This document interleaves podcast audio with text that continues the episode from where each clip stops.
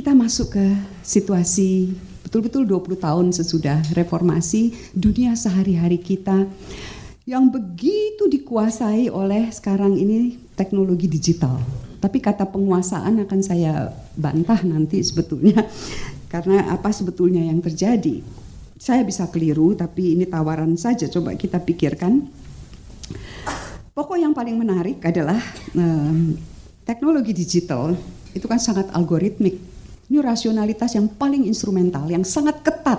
Tidak ada peluang untuk penafsiran subjektif. Tidak ada perasaan. Ya, tidak. Ya, tidak. Terus begitu. Programming, seluruhnya programming. Dari rasionalitas yang sangat ketat ini, lahir sebuah teknologi yang memungkinkan ada ruang tempat emosi kita diacak-acak.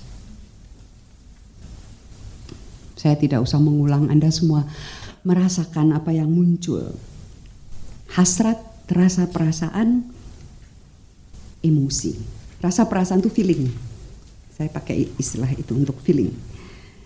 Jadi dengan pengguna media sosial 2,3 miliar orang di seluruh muka bumi di Indonesia 78-79 juta, maka ya emosi yang dirasa bersama, shared emotion, itu cepat sekali dilecut kita tahu dilecut kemudian disebar. Dia menjadi ladang yang subur untuk diolah dan nantinya ditambang. Kita sudah mengalami rakyat Amerika mengalami, rakyat negara-negara Eropa mengalami, tadi Mas Nirwan sebut bagaimana itu dipakai untuk politik. Jadi saya sebut seakan-akan, saya tekankan seakan-akan teknologi digital membawa kita ini semua dari fajar budi, enlightenment, the age of reason, masuk ke senja emosi. Kenapa seakan-akan? Apa sebetulnya yang memunculkan itu? Apakah teknologi sedemikian deterministik? Apa pun yang dihasilkan oleh teknologi kita pasti jatuh, tunduk, patuh, didominasi oleh teknologi nanti dulu. Apa pola tanggapan manusia terhadap perubahan? Jadi pola tanggapan kita. Kenapa emosi yang paling dominan? Oh, rupanya pola tanggapan kita ketika ada perubahan paling ternyata didominasi oleh rasa merasa. Saya lebih melihat bahwa teknologi itu adalah interaksi manusia.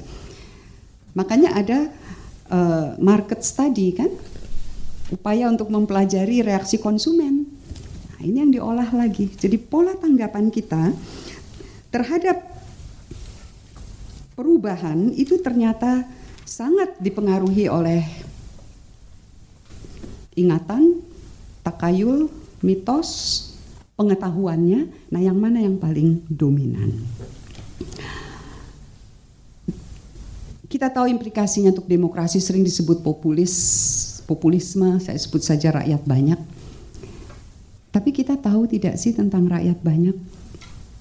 Kita tidak bisa mengandaikan bahwa rakyat banyak itu pasti rasional, pasti tidak rasional. Orang bisa memilih jalan yang paling rasional untuk tujuan yang sama sekali irasional. Bom bunuh diri kemarin, satu keluarga, anak kecil. Kita tidak bisa menjelaskan, illogical beyond reason, apalah sebut. Oh tidak, itu sangat rasional. Karena tujuan yang paling, sarana yang paling cepat, efektif untuk menjadi martir, itu adalah demi melawan pertarungan kosmik adalah dengan jalan itu. Sebutlah ini rasionalitas ketaatan. Jadi, jadi sarananya sangat rasional, bagi mereka tujuannya juga rasional, tapi kita melihatnya illogical. Nah, pertempurannya itu ada di sini. Kenapa saya sampaikan ini? Saya berpikir sudah lama. Uh, saya sudah menulis beberapa paper sebetulnya, tapi di jurnal uh, yang jarang dibaca. Jadi uh, deradikalisasi itu hanya istilah deradikalisasi hanya berlaku untuk orang yang belum terpapar istilah itu nilai-nilai civic itu kan rekonstruksi. Hanya untuk orang yang memang belum terpapar terlalu kuat. Untuk yang sudah terpapar itu memang teologinya harus didekonstruksi, emosinya, rasa merasa, sumber-sumber afeksinya itu yang lebih itu perlu dibongkar. Uh, Jadi emosi bukan persoalan main-main. Orang sering mengatakan ini wilayah psikologi, no, politik. Kenapa Serbia dengan Bosnia sampai bertempur seperti itu? Ingatan serbuan Turki Ataturk itu dinyanyikan dalam tembang rakyat. Jadi ingatan, emosi dibangun. Emosi adalah perkara politik. Jangan, maka sayang sekali bahwa teori-teori politik belum terlalu banyak masuk ke situ. Nah, pertanyaannya saya masuk ke sedikit lagi tentang rasionalitas di mana. Bisa dia bertengkar kok di situ. Ternyata yang kita kira tidak rasional punya justifikasi rasional. Di mana budaya ilmiah bisa menyumbang atau malah membuat semakin kacau. Sebelum menjawab apakah dia membuat semakin kacau atau bisa menyumbang sedikit, kita ingat saja peristiwa pemilu 2014. Setelah kampanye yang begitu ganas lewat silat apa adu lidah sempat tenang sebentar, kemudian setengah hari mulai hitung cepat, saling tuding siapa yang lancung kan, itu. saling tuding. Ilmuwan turun gunung, para ahli statistika yang biasanya hanya di kamar menghitung turun gunung semua berkumpul. Jangan sampai masyarakat kehilangan kepercayaan kepada sains, kepada ilmu statistika. Maka mereka mengingat, saling mengingatkan ada metode, ada asumsi. Ketika angka itu diklaim secara politik, maka angka menyembunyikan banyak fakta. Maka ada olok-olok Anda tentu pernah dengar. Hanya ada tiga kebohongan di dunia. Dusta, dusta besar, statistik. Para ilmuwan ini takut sekali cemas Bagaimana kalau tidak percaya lagi pada ilmu statistika, maka mereka turun gunung mencoba menjernihkan dan ya kita tahu selanjutnya tidak perlu diulang di sini. Tapi angka punya kekuatan untuk mengintimidasi. Budaya ilmiah yang melandasi ilmu statistik dan yang lain-lain itu panjang sekali jalannya. Panjang sekali. Pada abad ke-13, 14, 15, itu ada kecurigaan yang luar biasa terhadap pengetahuan. Pengetahuan itu itu sumbernya iblis. Ingat saja, kan yang membujuk, yang membuat dosa masuk ke dalam dunia, itu kan iblis yang berhasil membujuk Hawa, Hawa membujuk Adam lewat buah pohon pengetahuan. Nah, ini sangat simbolik. Maka jauhilah pengetahuan kecuali engkau mau surga menjauh. Silahkan baca karya-karya bukan hanya teologi loh. Wah, kalau khotbah teologi oke. Okay. Ini karya sastra, panggung-panggung drama. Itu penuh saya beri satu contoh di teks itu. Dengan itu. Francis Bacon ini bingung. Dia kagum pada ilmu pengetahuan, dia seorang politisi, dia bukan seorang ilmuwan.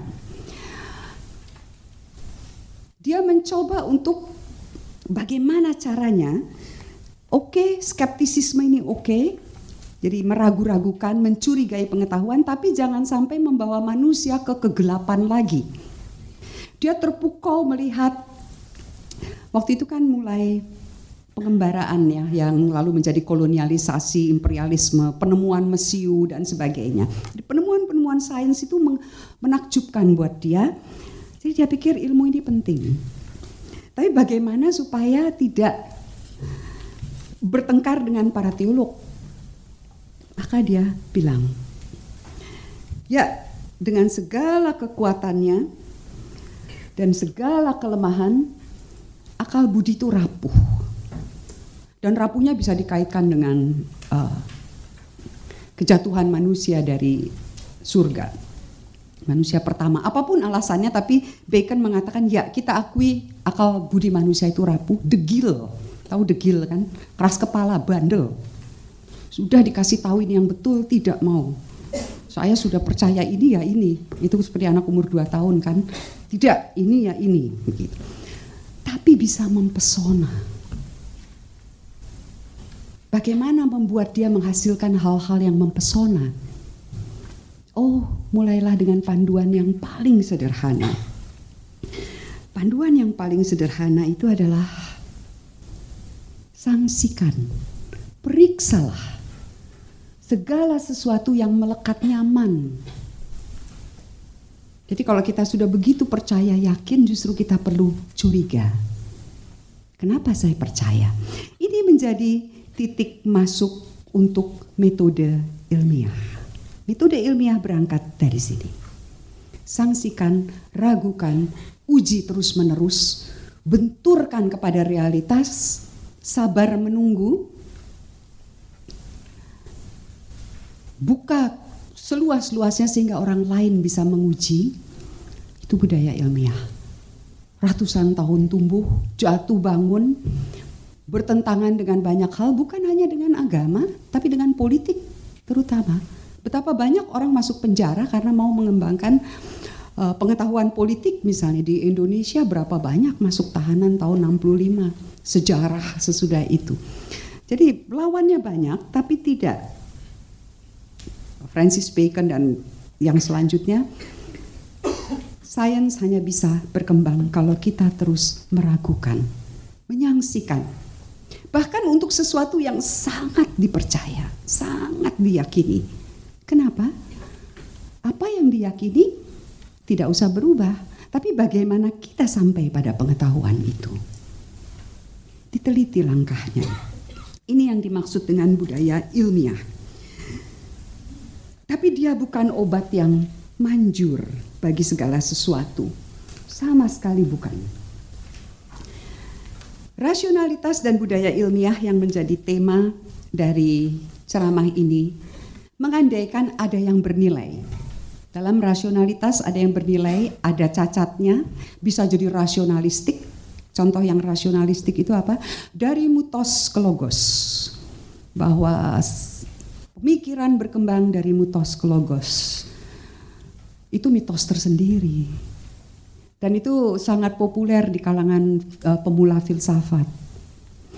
Kenapa? Karena mengandaikan seluruh dunia itu sistem pengetahuannya berkembang linier sama. Lalu menganggap dongeng, menganggap cerita-cerita, uh, bukan cerita ya, perenungan realitas yang muncul di dalam misalnya kosmologi Sunda yang diyakini oleh naskah Jatiraga yang diyakini oleh uh, sahabat kita dari kelompok Sunda Wiwitan. Oh, itu dongeng. Maka perlu sangat hati-hati ketika kita menerapkan cara berpikir yang rasionalistik Tritangtu itu jadi pegangan itu oleh orang Sunda Wiwitan. Tiga kepastian. Sang Damar Jati. Ini dianggap takayul semua. Padahal itu kan upaya realitas itu begitu sulit untuk dicerna, begitu pelik untuk dicerna, maka dinarasikan di dalam kisah. Maka setiap peneliti yang mau menelaah teks-teks kuno kalau tidak bisa mengenali bahwa ini adalah suatu narasi yang menyangkut nilai-nilai etis, estetis dari masyarakat tertentu dan juga sistem pengetahuan itu tidak akan berhasil. Akannya jadi uh, mitos kelogos itu tadi. Kenapa saya angkat ini? untuk menekankan bahwa yang dimaksud dengan budaya ilmiah dan rasionalitas itu tidak terbatas pada ilmu-ilmu alam. Tidak terbatas pada filsafat analitik. Tidak. Tapi sangat luas. Ada yang bernilai, ada dunia di luar kita, dan mengetahui pengetahuan itu ada batas. Maka jalannya sepi. Jalannya sangat sepi. Jalan jalan untuk percaya dan yakin bahwa yang dipercayai itu sudah teruji walaupun siap untuk kecewa. Dalam sains itu siap untuk kecewa. Marie Curie sudah menerima Nobel tahun 1903 untuk polonium dan untuk radium. Tapi dia bertanya-tanya, terus bertanya-tanya, apa betul ini unsur? Beribu-ribu kilogram biji uranium dia olah hanya untuk dapat 0,1 miligram polonium. Bertahun-tahun, bertonton, disisir satu-satu 0,1 miligram, betapa sedikitnya. Hanya karena dia sanksi, Padahal dia sudah dapat Nobel, dia dapat Nobel yang kedua sesudah itu. Nah, saya hanya mau menunjukkan di sini bahwa setia. Sehingga ketika yakin, oke, okay, jalannya sudah teruji, diuji oleh orang lain, dan tidak ada kepastian dalam pengetahuan. Tidak ada. Siap untuk mengaku salah, itu salah satu nilai yang paling penting. Dan yang kedua, saya lewati dulu. Yang kedua adalah ilmu pengetahuan bukan obat manjur untuk segala-galanya.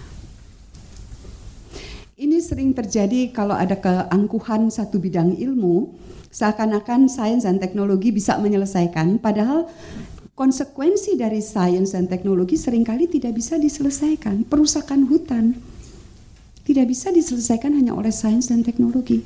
Bahkan kemiskinan tidak bisa hanya diselesaikan oleh sains dan teknologi.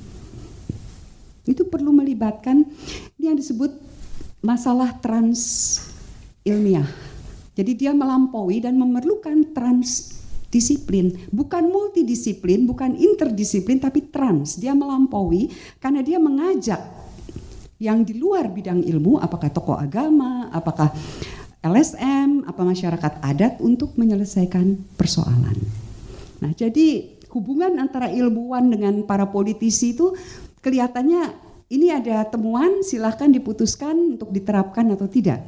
Tidak selinier itu.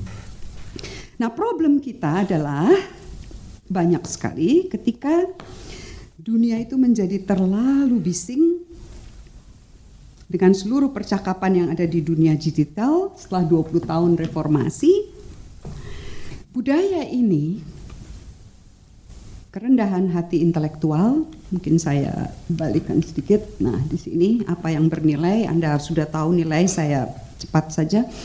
Kerendahan hati intelektual mau menguji kebenaran itu sangat berharga. Persis karena berharga kita hati-hati. Maka kita punya banyak sekali. Saya minta maaf. Dunia media sosial itu ada banyak blog, ada banyak Twitter yang pendek tapi mendalam, tulisan-tulisan yang mendalam, tapi selebihnya yang paling mengkhawatirkan itu adalah sebetulnya tampil sebagai intelektual, tapi tidak peduli apakah itu silat lidah atau argumen ilmiah. Apakah itu logika atau omong kosong? Tapi tampil betul-betul sebagai seorang pakar. Ilmuwan, mengajukan argumen-argumen ilmiah, entah di media, entah di pengambilan kebijakan, padahal muslihat entah politik, entah korporasi itu menyelinap diam-diam.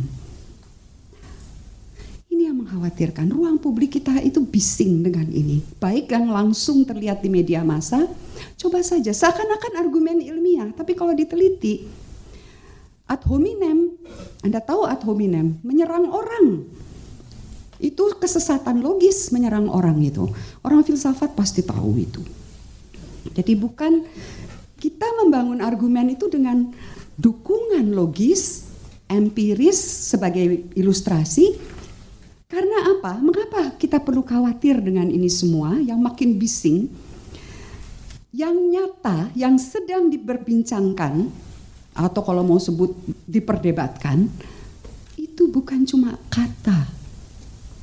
Yang nyata itu tidak bisa dibantah. Ini yang nyata. Hutan yang rusak, belum sempat dikodifikasi, belum sempat plasma nutfahnya diambil, kekayaan raha, hayati kita sudah hancur. Ini yang diperdebatkan. Ibu yang meninggal saat melahirkan, tapi kan itu tidak keluar. Karena apa? Karena sibuk berkata-kata fasih. Nah, ini yang bagi saya sangat mengkhawatirkan dan belum lagi ditambah media sosial tadi sudah disebut dengan argumen bukan argumen ya. Bujukan-bujukan, hasutan-hasutan yang memecah belah dari segi agama, ras. Jadi bising seperti ini. Jadi budaya anti rasional, anti ilmu pengetahuan itu bukan hanya dari sisi agama, tapi dari dalam tubuh orang-orang yang berpendidikan tinggi itu sendiri.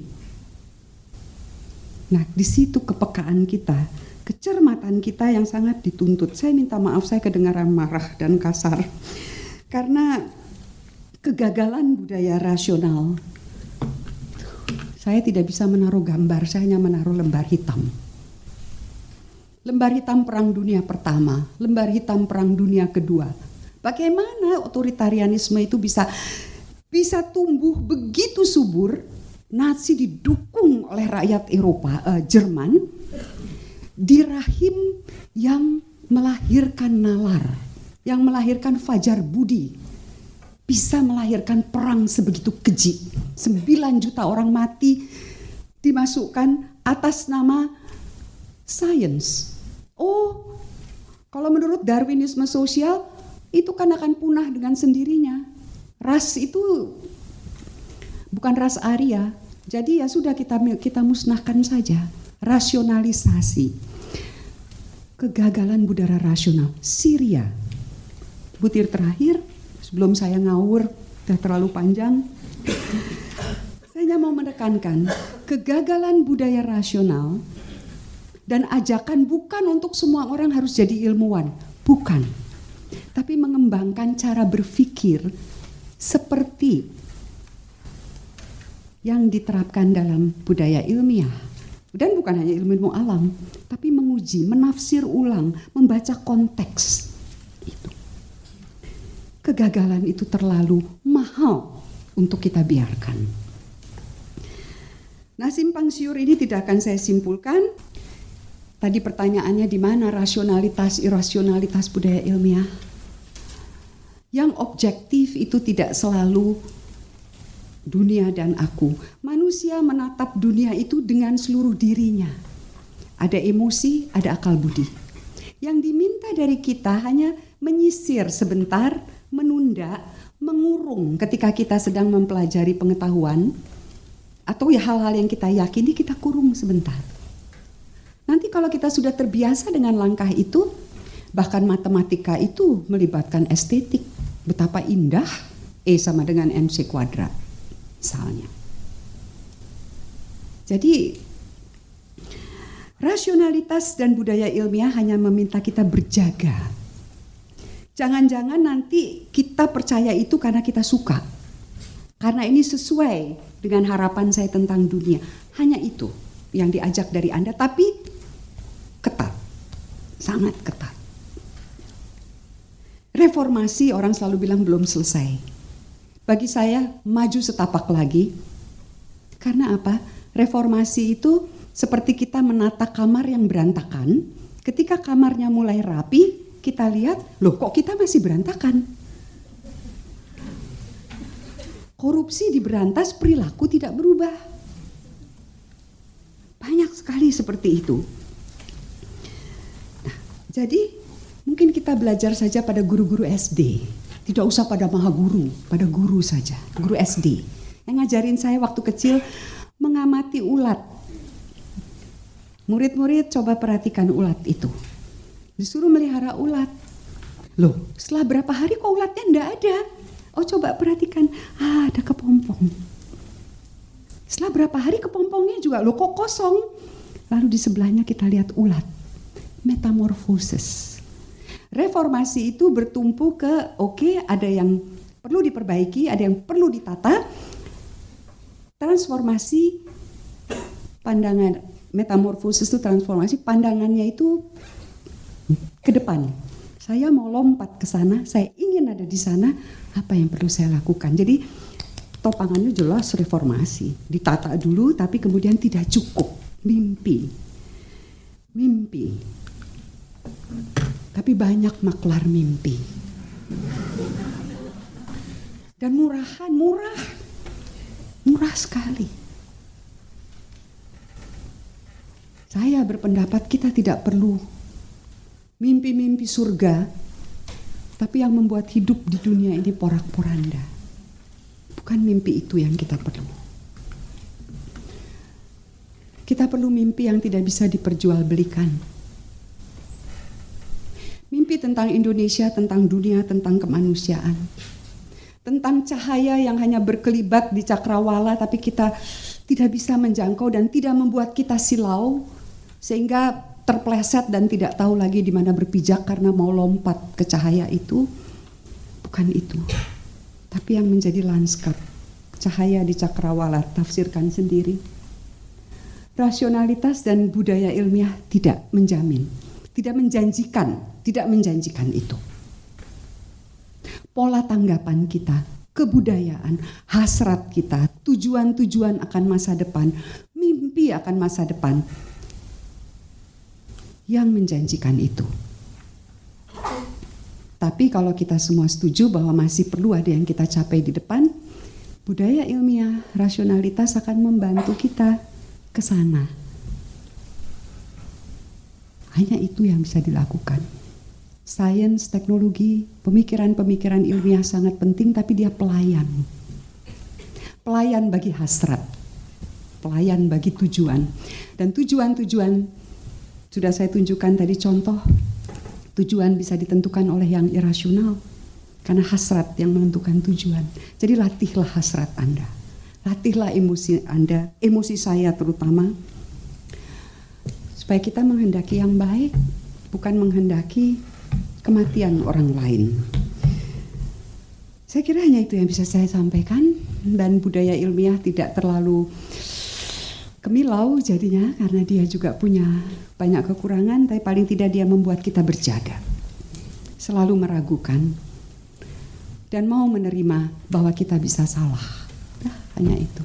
Terima kasih.